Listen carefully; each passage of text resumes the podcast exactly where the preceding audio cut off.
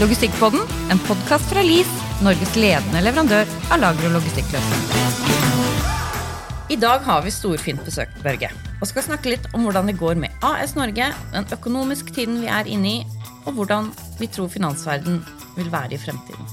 Ja, det tror jeg blir veldig eh, interessant. Så eh, da er det jo egentlig bare å ønske velkommen til Logistikkpodden, eh, Espen Arnesen som nå er senior kundeansvarlig i konsernkundeområdet i DNB. og spurte jo Espen eh, hvilken tittel vi skulle bruke, og også da en client eh, advisor.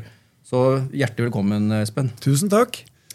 La oss begynne med den tiden vi er inne i nå. Først korona, krigen i Ukraina, strømkrise. Er vi i en økonomisk depresjon, eller er nedgangstidene avlyst? Eh, vi kan ikke kalle det en økonomisk depresjon. Det har jo vært en slags gjeninnhentingsfase da, etter covid. Mm. Eh, hvor kanskje verden er litt i utakt. Eh, Kina er vel fortsatt litt i den gjeninnhentingsfasen, mens Europa og USA er vel ferdig med den. Og så kan vi vel kalle det en slags eh, eh oppbremsing. Eh, eh, noen eh, liker å bruke uttrykk som at økonomien skal få en myk landing. Så det er litt mer der vi er, føler jeg. da. Så i hvert fall ikke en depresjon. Det, det er viktig å, å liksom se. da. Ja. Så norsk næringsliv eh, det går ikke dårlig? Det, hva, hva er inntrykket ditt på, på det? Nei, altså Konklusjonen er vel at norsk næringsliv går ganske bra. Det kommer jo helt an på liksom hvilke parametere du måler og liksom tidsintervaller du ser på. da.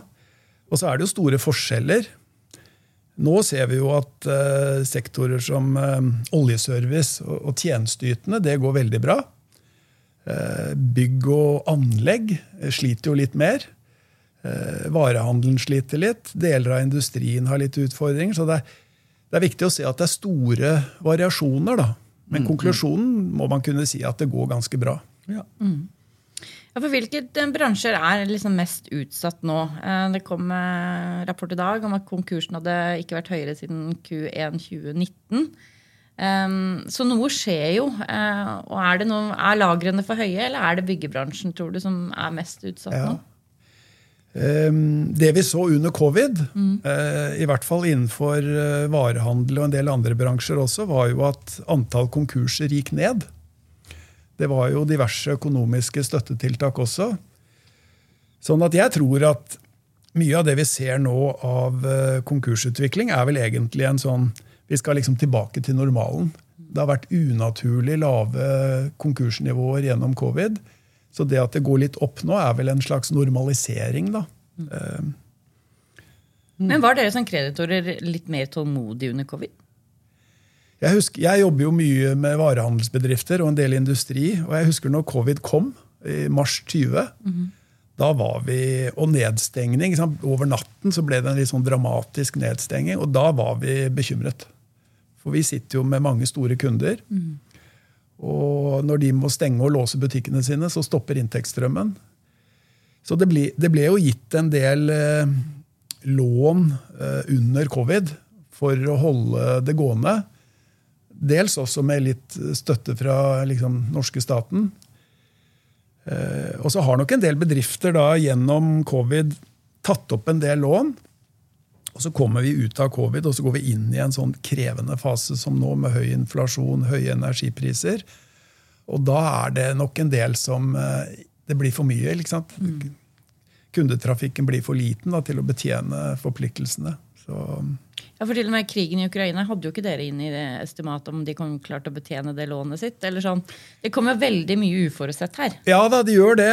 Eh, men det vi heldigvis så da, etter ganske kort tid, det var jo at på en måte butikkene åpnet opp igjen. og liksom livet, livet ble på en måte delvis normalisert. da. Mm. Så... Er det, noen, eh, er det, noen, bransjer tror du, som har, måte, har muligheten nå? Som liksom kan tre fram nå og, og gripe, gripe, sjansen sånn som det er nå? Er det jeg tror i hvert fall hvis vi tenker på varehandel, da, bare for å avgrense ja, ja. litt, mm. så, så, har jo da høy inflasjon, øh, høye energipriser, strømpriser, drivstoff, det, det, det reduserer jo kjøpekraften da, til husholdningene. Og vi har jo mange av de store kjedene som kunder. Og vi ser jo nå at folk virkelig har eh, endret litt på kjøpsmønsteret. Fordi under covid så var det jo stor fokus på, på dette hjemmelivet. Da ble det kjøpt mye møbler. Eh, bygg, altså byggevarebransjen fikk et oppsving, for alle skulle pusse opp. Det ble kjøpt mye nye, svære TV-apparater og hjemmedatautstyr. Tråsykler og, Ja. og sånn innesykler. Så vi ser, vi ser jo et tydelig mønster nå at i varehandelen, de som da selger eh, forbruksvarer, da, ikke sant, eh, og rimeligere varer, eh, de, de har faktisk nå en, eh, en slags eh, opptur, fordi folk er virkelig opptatt av å gjøre gode kjøp nå. Og, og, og man vrir seg og etterspør de billige varene. da.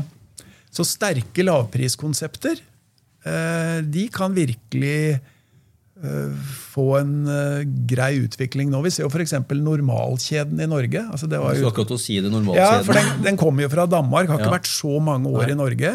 Men de kjører knallhardt på pris Mm.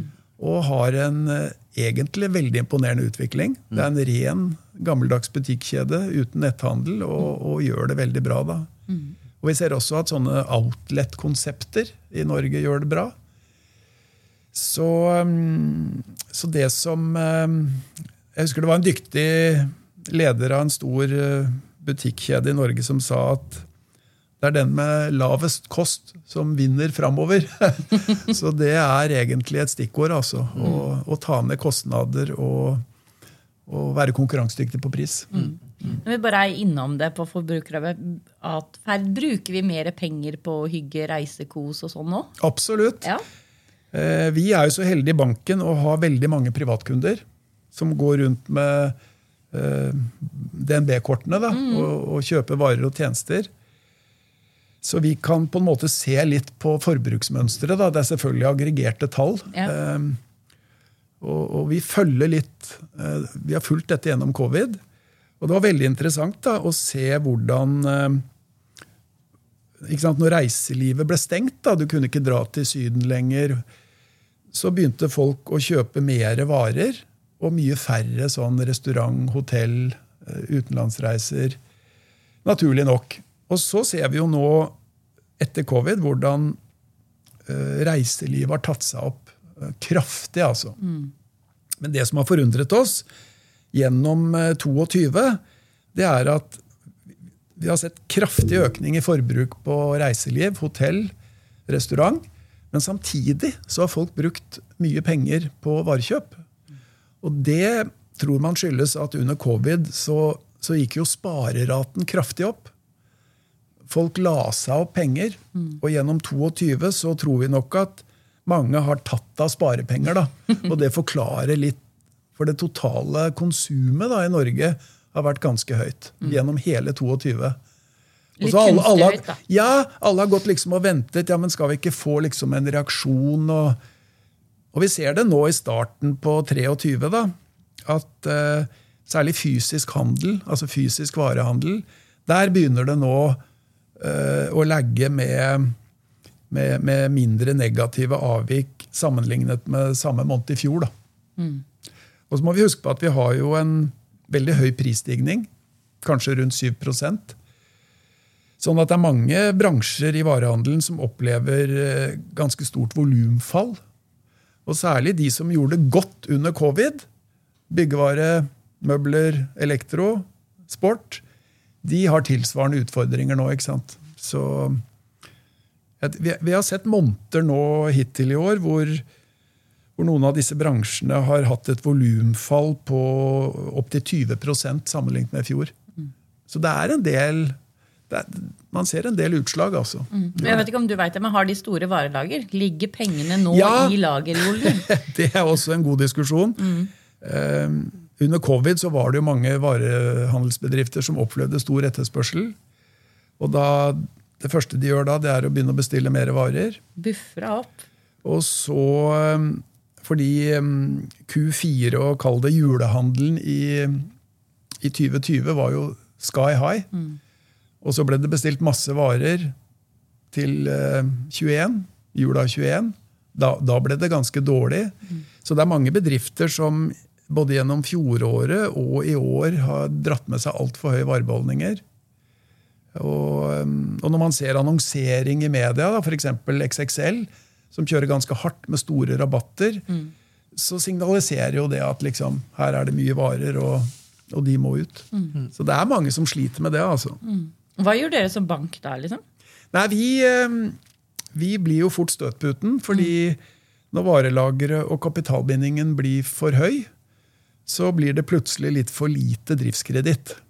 Og da er det jo mange som kommer til oss for å få utvidede rammer og sånn.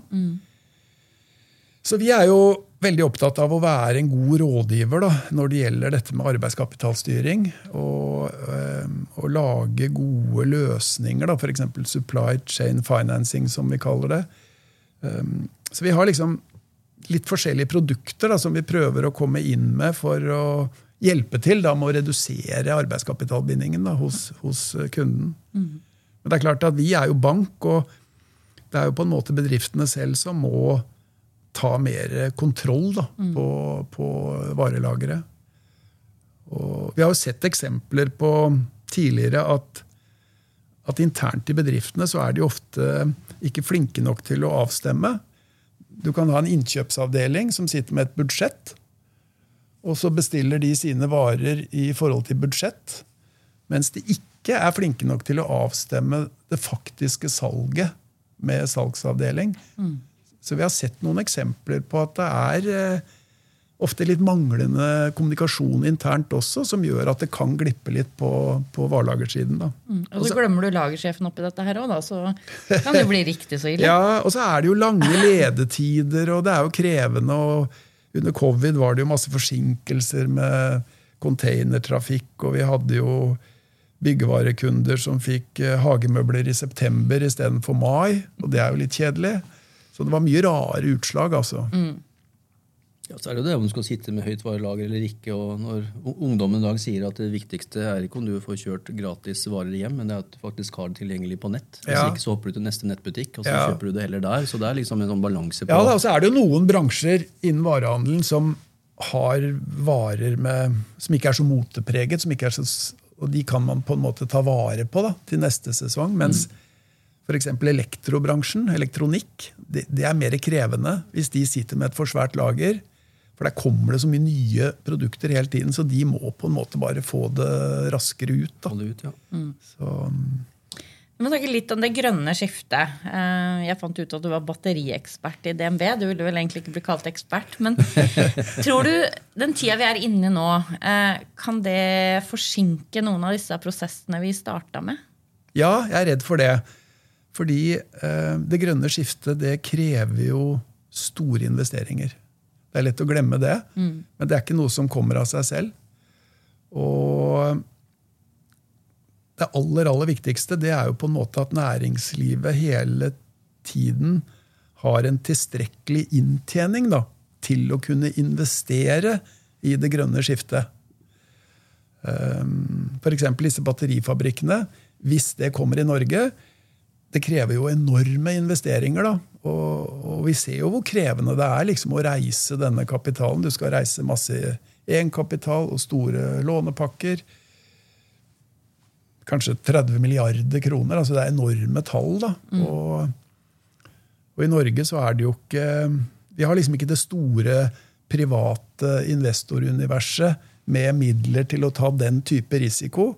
Derfor så blir det jo også et ganske stort trykk mot, mot vestere da, og regjeringen. liksom Hvilke virkemidler er det norske myndigheter kan stille opp med da, for å bidra til det grønne skiftet? Og regjeringen har jo vært ganske aktiv der på, på mange måter. De kom jo i fjor med både en melding relatert til det grønne skiftet og en spesiell melding på batterisektoren. Da. Så, men det kreves mye kapital, og det er alltid det det er vanskelig å få reist. Um, hvis vi prøver å se litt i fremtidskula uh, Krigen i Ukraina er ferdig. Um, er vi da tilbake til typ 2019, eller eh, det som vi trodde var normalt? Eller er eh, det normalen vi tenkte, er det borte? Jeg tror den normalen er borte. Ja. Jeg tror det blir varig store forandringer. Og særlig hvis du tenker deg energisiden. da. Russland har jo vært en stor leverandør på energisiden mot Europa. Og det er definitivt slutt. Og det kommer til å være slutt lenge. Og så er jo utfallet av krigen eh, veldig avgjørende.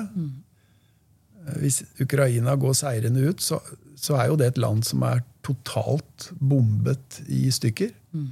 Og det vil jo kreve enormt med bistand og support fra hele verdenssamfunnet da, for å hjelpe til å bygge opp det landet igjen. Og liksom konsekvensen av det tror jeg ingen ser egentlig per i dag. Så jeg tror det blir en stor, varig forandring. Og så er det jo et dilemma med det grønne skiftet. Da, for vi i Norge vi har jo hatt altså Jeg har jobbet i bank i snart 40 år. Og, og det har jo vært en velstandsutvikling da, i Norge altså som min generasjon har opplevd, som har vært formidabel. Da. Når jeg vokste opp, så var det ganske enkle kår på 60-tallet. Mm. Og så har det jo blitt en, en, kjøpekraft og en levestandard og et forbruk av, av varer som er egentlig helt hinsides høyt. Det er det jeg sier til barna mine. Ikke sant? og, så, og, så, fokuserer vi jo nå på CO2-utslipp, og vi kan jo ikke holde på sånn lenger. ikke sant? Vi ødelegger kloden. Men dilemmaet er jo at vi må rett og slett konsumere mindre. ikke sant? Det er det, er, det, er det aller viktigste i det grønne skiftet. Mm. Vi må konsumere mindre. Og, og det betyr kanskje at, at, at, kjøpekraftsutviklingen skal begynne å bikke litt ned. At, at, det rett og slett uh, at vi ikke kan holde på da, mm. med den utviklingen og stadig høyere kjøpekraft, stadig kjøpe flere varer og sånn. Det, så det, er, det, tror jeg er en kjempeutfordring framover. Mm. Så vi, vi, har, vi, er jo veldig opptatt av dette med, med hva kundene våre også tenker da om bærekraft. fordi det er jo slik at myndigheter de, de liker godt å, å, bruke banker litt sånn operativt. da, At, at bankvesenet får pålegg om å begynne å kartlegge for eksempel, og begynne å rapportere på hele kundeporteføljens totale CO2-utslipp. Og dette er ganske heavy saker. Så vi, vi, vi, er i startgropa og fremover. Vi kommer til å ha mange bærekraftsmøter med kundene våre. Og rett og slett eh, i en eh, åpen diskusjon Vi må lære litt eh, hvordan kundene våre jobber da, mm. for å redusere sine fotavtrykk. For vi må på en måte rapportere totalen av dette. da. Da kan du ringe meg, for jeg har mye på hjertet her. Altså. ja, så hyggelig. Eh, for det, det, er veldig viktig, bærekraftrapportering veldig viktig at man skiller mellom eh, oss og Hydro. da. Eh, for Ofte kommer det jo gjerne sånne rapporteringskrav som ikke tar hensyn til at det er noe som heter små og mellomfornøyde bedrifter. Ja. Eh, at det bare blir generalisert på alle sammen. Mm. Eh, og så sitter vi da som ikke har en bærekraftsavdeling, mm. Og sliter med sånne typer rapporteringskrav. Ja. Så Det er liksom det jeg er litt opptatt av. At man må huske at det er litt forskjell her. Ja, og det, det vil nok bare bli mer og mer krevende. fordi for småbedriftene så vil det jo bli eh, etter hvert mm.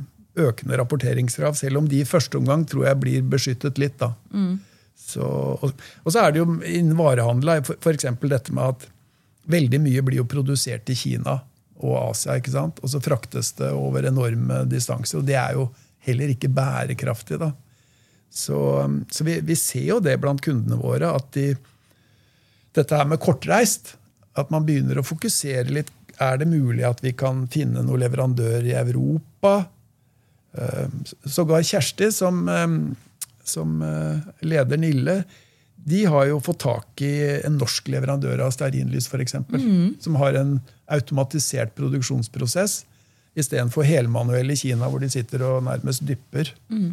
Så det er jo mange eksempler på at man kan prøve å vri eh, innkjøpene, da, sånn at det blir en kall det litt mer bærekraftig distanse å frakte varene. Da. Mm. mm. Jeg tror du det kommer flere, altså at flere varer blir produsert i Norge? Altså, kan, det er tidlig å si noe om, nei, kanskje? Jeg, jeg, jeg, må innrømme at det tror jeg ligger jeg tror det er lav sannsynlighet. Ja, ja. Norge er og blir antagelig en råvareeksportør.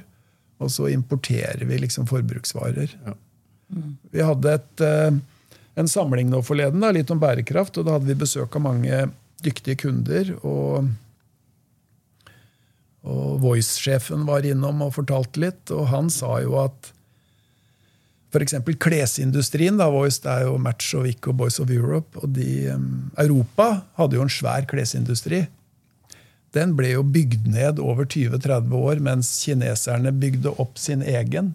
Pluss at de nå har liksom videreutviklet eh, klesproduksjonen. Så det blir jo Det som er krevende, da, det er liksom hvordan skal Europa og Norden for den saks skyld klare å ta opp den konkurransen? ikke sant? Og ta tilbake den produksjonskapasiteten? Det er jo kjempevanskelig. AI, er det løsningen? ja, det, det kan hende. Kan hende. Hvem, hvem vet? Hvem vet? Em, tror det kommer til å være- andre typer krav for at selskaper skal klare å overleve i framover nå?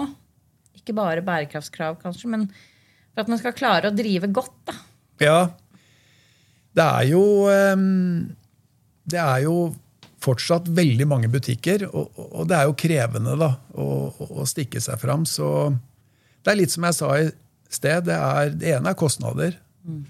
At for å klare seg framover nå med den høye inflasjonen og de høye strømprisene og energiprisene, så må man, eh, man må kjøre hardt på kostnader. Kanskje finne eh, butikklokaler med, med lavere husleie. Altså man må liksom snu på hver stein. da.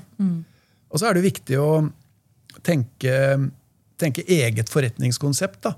Altså, hvorfor skal kunder komme til min butikk, f.eks.? Um, og, og dette med kategoriutvikling, sortimentsstyring, eh, tørre å eksperimentere litt. Eh, og tenke på bransjeglidningen, for det er jo en konstant eh, trussel. da. I gamle dager hadde vi masse faghandel. Og nå ser vi jo hvordan disse lavpriskjedene med bredt sortiment, da, sånn som Jula, Europris? De går jo inn og Biltema Så det er ikke lett for den gamle faghandelen å, å overleve liksom, i kampen mot eh, disse store lavpriskjedene.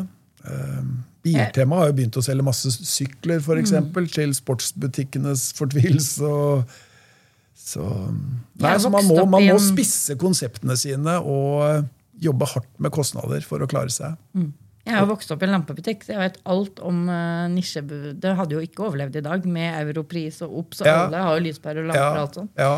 Så det hadde vært, eh, det hadde vært kroken på. Lampehuset, fins det fortsatt? Nei, det er helt Mysen belysning. Mysen belysning, Ja, ja. Men vi må snakke litt om den norske krona. Eh, Jeg er også økonomisjef i LIS. ja, Ja, jeg handler inn i euro og fakturerer ut i NOK. ja. Mm. Krevende. Jeg er krevende om dagen. Eh, Kan det bli verre?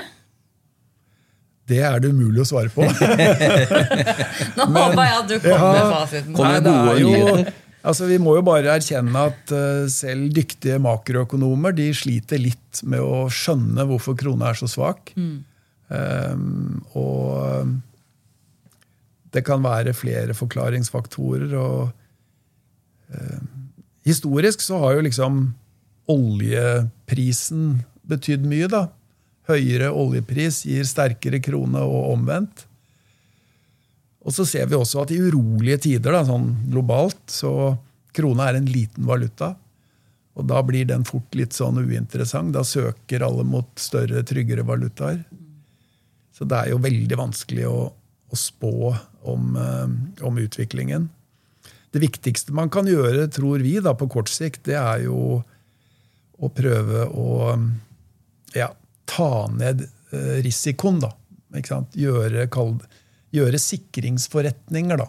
Sant? Hvis du har et budsjett, så, så, tar du gjerne, så har du gjerne en eller annen budsjettert valutakurs. Og så bør du prøve å gjøre sikringsforretninger sånn at du, du trenger ikke å sikre 100% men du må liksom ta en stor del og prøve å låse risikoen der. Da, sånn at man ikke går på de der store smellene. Det er iallfall det beste rådet vi, eh, vi kan gi. altså. Men eh, kan vi komme ut og gjøre som Danmark, tror jeg? Eller Det er jo dette med EU-medlemskap, da. Eh, og det, er vel, det ligger vel veldig langt fram i Norge, tror jeg. Så dermed er det litt begrenset hva man kan gjøre. Norges Bank kan jo selvfølgelig kjøre renta oppover. For én forklaring som også trekkes opp i dag, er jo at uh, uh, utenlandske sentralbanker har kanskje løftet renta høyere opp enn hva Norges Bank har gjort. At vi ligger fortsatt litt under. Det er jo varslet kanskje renteøkninger fra Norges Bank både i mai og juni, så vi er jo fortsatt på en sånn stigende Så det kan hende at litt avhengig av hvor høyt Norges Bank går med renteøkningene, så vil det kunne styrke krona. Mm. Men det er klart at for eh, husstander og boligsektoren så er det jo beintøft med, med stadig økende utlånsrenter også. Og særlig bygg- og anleggsbransjen har jo Der er det jo en veldig stor nedbremsning i salg av nye boliger. Og så søker folk seg mot bruktboligmarkedet, for der har det faktisk vært en viss prisøkning hittil i år. Og bygg og anlegg begynner jo å permittere litt nå, så det er, det er ganske rufsete, akkurat den sektoren. Jeg tenker på eh, Selvfølgelig ikke vanskelig for deg å svare på, men hva tanker om hva Norge skal, skal leve av framover om ja, altså olje og fisk? Om, altså, snakker vi om det skiftet, da. 20-25 år, liksom. Har vi olje? Eh, Ja. Har vi fisk? Eh, Det er jo et, eh, et stort spørsmål. Og Norge var jo historisk kanskje kan kalle Vi kan kanskje kalle Norge et, et litt fattig land. Frem til vi fant denne olja. Og da ble det jo en utvikling som ingen hadde sett for seg. Og så vet vi også at oljeeventyret det går mot sin slutt. Og, og så ser vi jo at regjeringen prøver jo Altså Støre har vært veldig entusiastisk eksempel med disse batterifabrikkene. I Fredrikstad så, så har vi en spennende kunde som driver Hydrovolt, som driver med gjenvinning av kall det brukte sånne litiumbatterier.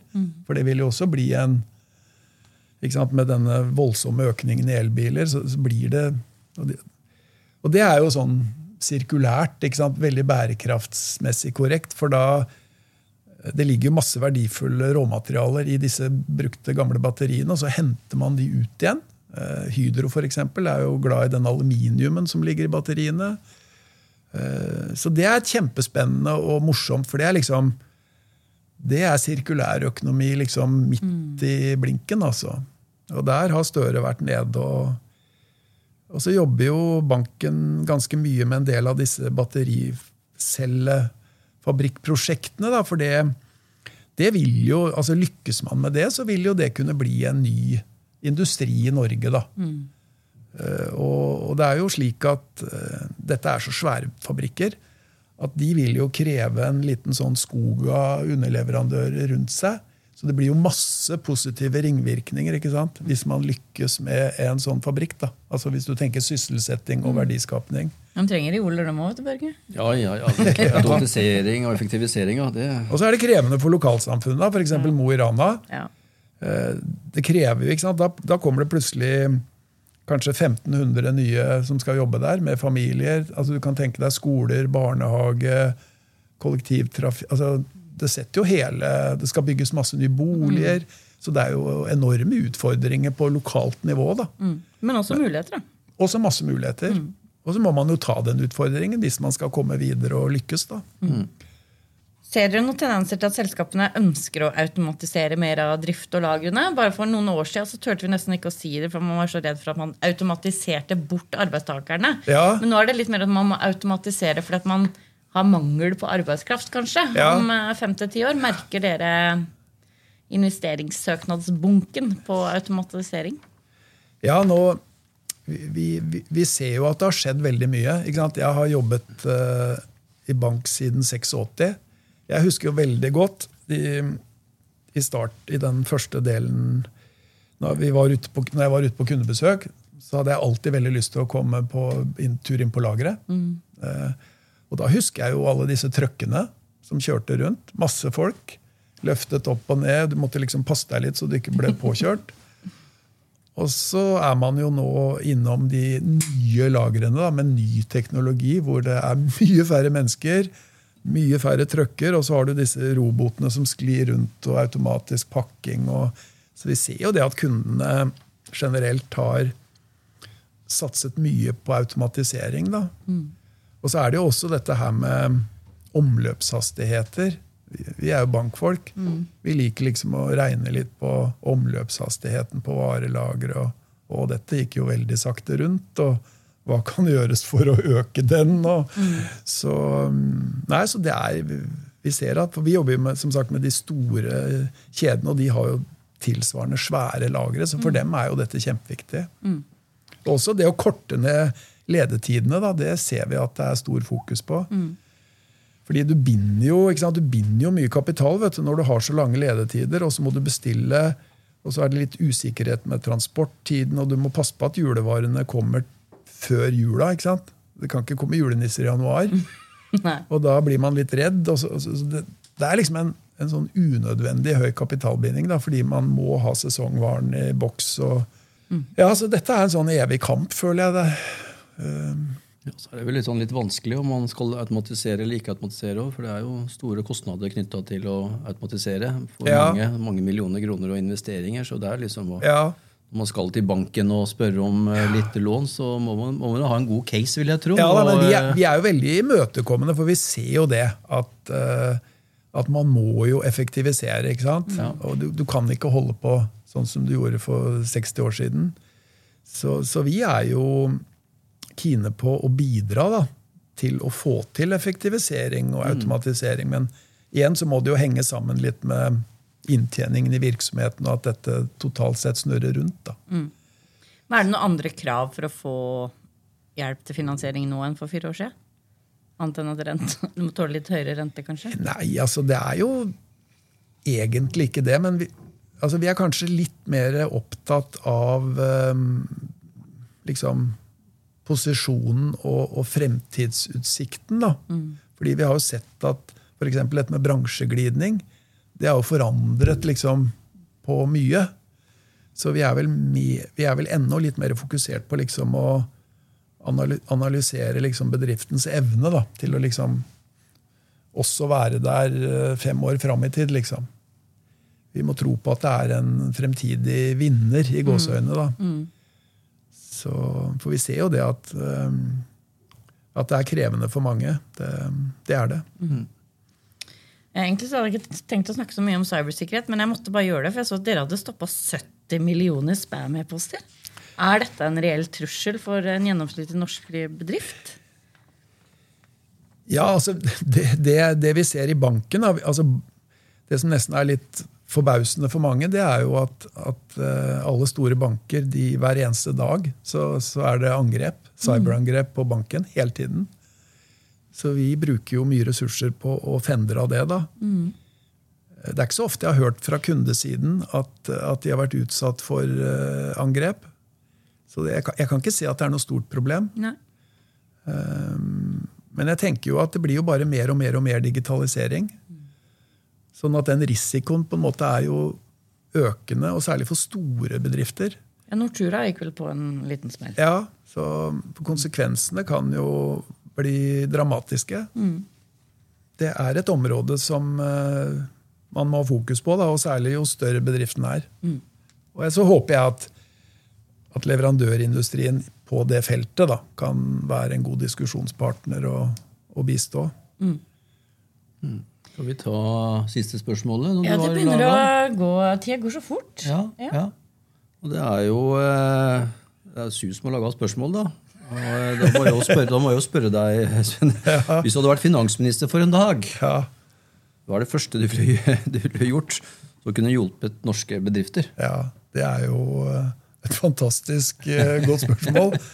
Og det hadde vært morsomt å vært. Ja, hadde ikke det? Sittet der og hatt litt handlingsrom. Ja, Så, Du har full handlingsrom nå. Så Ja. tenk på det. Ja. har du, Ja. alt er lov. Ja. Nei, altså, det er jo viktig å tenke på sånn Hva er liksom hva er det norske næringslivet basert på? Altså Hvis vi tar det store bildet først. da. Og Historisk har det jo vært slik i Norge at vi har hatt god tilgang på billig kraft. ikke sant? Vi har vært selvforsynt. Og det har jo bygd opp hele den kraftkrevende industrien i Norge. Og skapt masse sysselsetting i distriktene. Og så kom jo denne strømkrisen ikke sant? med voldsom prisoppgang.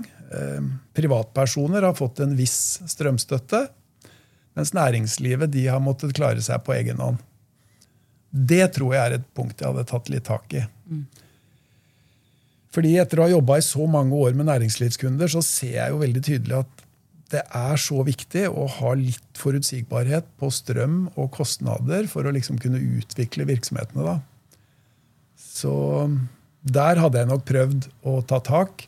Og så er det jo krevende for Norge. Det er nok noen avtaler som vi er bundet opp i i dag, som må reforhandles. Men, eh, men den fighten får man ta, tenker jeg. Og så tror jeg også når det gjelder sånn rammevilkår? Fordi de siste tiårene så har jo på en måte Vi lever sånn Det er liksom fri flyt av kapital, arbeidskraft, varer liksom over hele verden. og det er sånn det er blitt. da. Når jeg vokste opp, så var det helt annerledes. Men den frie flyten da, den er jo krevende, fordi det betyr at virksomhetene, de kan et, litt større virksomheter da, de kan etablere seg på, i forskjellige land. Og de søker seg til de landene med best rammevilkår. Så det blir jo en konkurranse mellom landene da, å legge til rette for at næringslivet kommer. Og, og i Norge er det jo akkurat nå i hvert fall en voldsom diskusjon på dette med formuesskatt og norske aksjonærer i forhold til utenlandske aksjonærer. At det er noen ulikheter der som er krevende. Da. Vi har jo denne milliardærflukten til Sveits etc. Og så er det jo slik at for å betale skatt så må man ha cash. Um, og jeg hadde kanskje prøvd å vri beskatningen mer i retning av å skattlegge overskudd. For da har du en kontantstrøm, du har løpende inntekter, du har løpende kostnader, og så sitter du igjen med x kroner. Og så av det så har du iallfall cash til å betale en skatt. Sitter man på en stor ligningsmessig formue som utløser en eller annen skatt, så er det jo ofte besværlig å finne de kontantene. da. Og for å finne de kontantene så kan det være litt ødeleggende for utvikling videre. sånn. Så jeg hadde vel prøvd å vri skatten litt mer mot eh, kall det overskudd og cashflow, og litt mindre på formuesiden, da, i håp om at det, at det gjør det enklere. Jeg synes det var Det hadde eh, vært et svar. eh, veldig bra døgn, det. Ja, Et fint døgn for næringslivet. Ja, det tror jeg Ja, det tror jeg Særlig det med strømmen. Så, nei, men eh, jeg tenker eh, at det var en eh, hyggelig prat, jeg. Ja, jeg det var kjempeinteressant. Ja, i like måte. eh, Hyggelig å komme hit. Ja, det var hyggelig at du kunne komme, Espen, også. Så eh, får vi jo bare si uh, takk for i dag. Tusen hjertelig takk. Jo, i like måte.